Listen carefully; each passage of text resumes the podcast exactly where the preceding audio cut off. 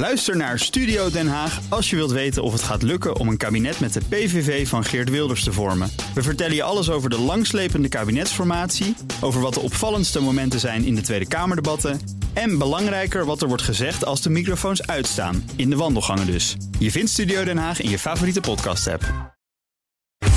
Tech Update.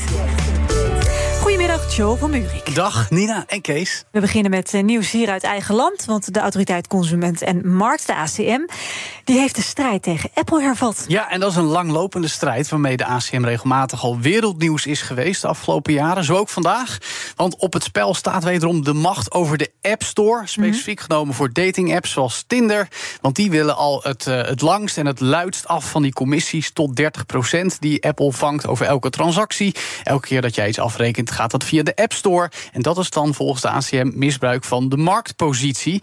Nou ja, verder lang verhaal kort, want dit speelde dus al een aantal jaar. In 2021 legde de ACM Apple meerdere boetes op. In totaal tot een bedrag van 50 miljoen euro. Uiteraard heeft Apple daar bezwaar tegen aangetekend. En het nieuws van vandaag is dat de ACM die bezwaren ongegrond heeft verklaard. Dat duurde twee jaar. Nou ja, goed. Zo'n gaat... bezwaarprocedure. Precies, er is een hoop in de tussentijd gebeurd, zou Ja. ik maar zeggen. Nou, uiteraard gaat Apple daar dan ook weer tegen in beroep. Eh, ze hebben die dwangsommen trouwens al wel betaald, die 50 miljoen. Overigens heeft Apple in deze hele saga al wel wat aanpassingen gedaan. In ieder geval op twee fronten. Juridisch gezien voldoen ze daarmee nu aan de regels, heeft de ACM al geconcludeerd. Maar er is nog een derde element. We mogen alleen niet weten wat het is. Volgens de rechter in Rotterdam is dat bepaald.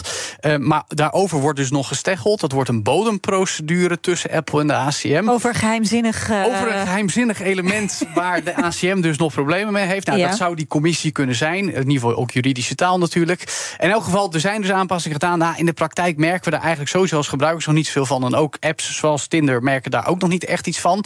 Overigens hebben we met- Google een soort gelijke situatie. Ook bij de Play Store zijn er wel partijen die roepen dat er misbruik van de marktmacht is.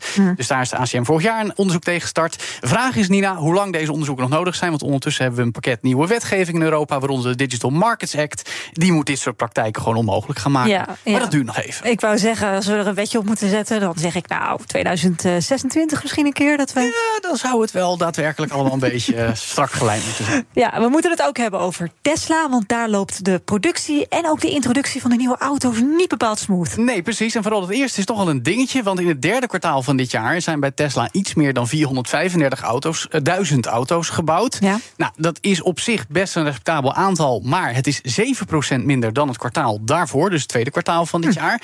En belangrijker, minder dan analisten hadden verwacht. Die gingen uit van gemiddeld zo'n 20.000 auto's meer afgelopen kwartaal. Niet zo heel gek dus dat het aandeel Tesla voor beurs even bijna 4% kelderde. Overigens, jaar op jaar wel een stijging van ruim 25%. Maar dat komt ook een beetje omdat vorig jaar rond deze tijd de productie nog wel stil lag in China vanwege de naweeën van het coronavirus. Voor heel 2023 wil Tesla nog steeds wel 1,8 miljoen auto's gaan bouwen. Moeten ze wel hard doorwerken. Punt is ook dat de lang verwachte Cybertruck, dat ding wat rechtstreeks uit de Terminator lijkt te Ja, komen, ja. ik vind hem super vet, is er nog steeds niet. Al vier jaar in het nieuws. Nog steeds niet in rijklare sta- staat getoond, dus ook niet afgeleverd. Terwijl 2 miljoen mensen een aanbetaling hebben. Dus ja, de mensen willen hem wel, Ja. maar ze maken hem nog steeds niet. Nee. Maar goed, 19 oktober wel kwartaalcijfers. Dus wie weet is het dan eindelijk goed nieuws voor mensen die elektrische pick-ups willen. Ja. Dus Oh, je me nou kunnen we ook een wetje opzetten, toch? aan. Wat Nou is de wie kans? weet, wie weet, het zou leuk zijn. Iets met, eh, met eh, eh, ramen die perfect. Ja, maar niet waar glazen- of waar Ja, een. Maar dat is wel echt vier jaar geleden. En dat dus die zijn wel gefixt, laten we niet vergeten. Dat is waar. Nou, over Ja. die elektrische pick-up gesproken. Tesla-concurrent Rivian, die doet het wat beter. Ja, nee, die temmen hard aan de weg. Frequente luisteraars weten dat ik een beetje een zwak heb voor dat merk. Maar dat is ook omdat ze daar al twee jaar daadwerkelijk elektrische pick-ups en SUV's bouwen. Dit jaar moeten dat er 52.000 zijn. Afgelopen kwartaal kwamen er dik 16.000 bij.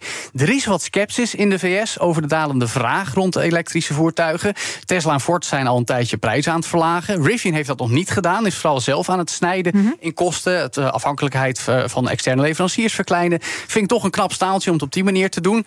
En het zijn gewoon hele goede auto's. Die Rivian is goed ontworpen volgens Ja. alle autotesters. Ik wil er zo graag zelf Jij eentje krijgt niet proberen. betaald voor deze nee, PR, absoluut hè? niet. Nee, nee, nee, Nee, maar ik vind het echt een heel vet merk. Ik wil gewoon heel graag met zo'n ding rijden een keer. Ja. te proberen. Wat, weet je wat nou de introductieprijs is van zo'n nieuwe? Ja, ik geloof dat dat wel ergens bij 60.000 dollar begint. Dus ik weet dat mijn portemonnee dat nog niet kan veroorloven. Dus. Nee, Hard inderdaad. blijven werken. Maar misschien kunnen wij daar samen eentje Ja, kopen. en dan gaan dat we zou naar toch leuk zijn? Dat is een goed idee. Dat is een goed idee. Nou, daar hou ik je aan. Dus- Dankjewel, Joe van Buurik. De BNR Tech Update wordt mede mogelijk gemaakt door Lenklen. Lenklen. Betrokken expertise, gedreven resultaat. BNR ben je altijd als eerste op de hoogte van het laatste nieuws. Luister dagelijks live via internet. Bas van Werven. En heel langzaam komt de zon op rond dit tijdstip. Je krijgt inzicht in de dag die komt op BNR, het Binnenhof in Nederland en de rest van de wereld. De Ochtendspits. Voor de beste start van je werkdag. Blijf scherp en mis niets.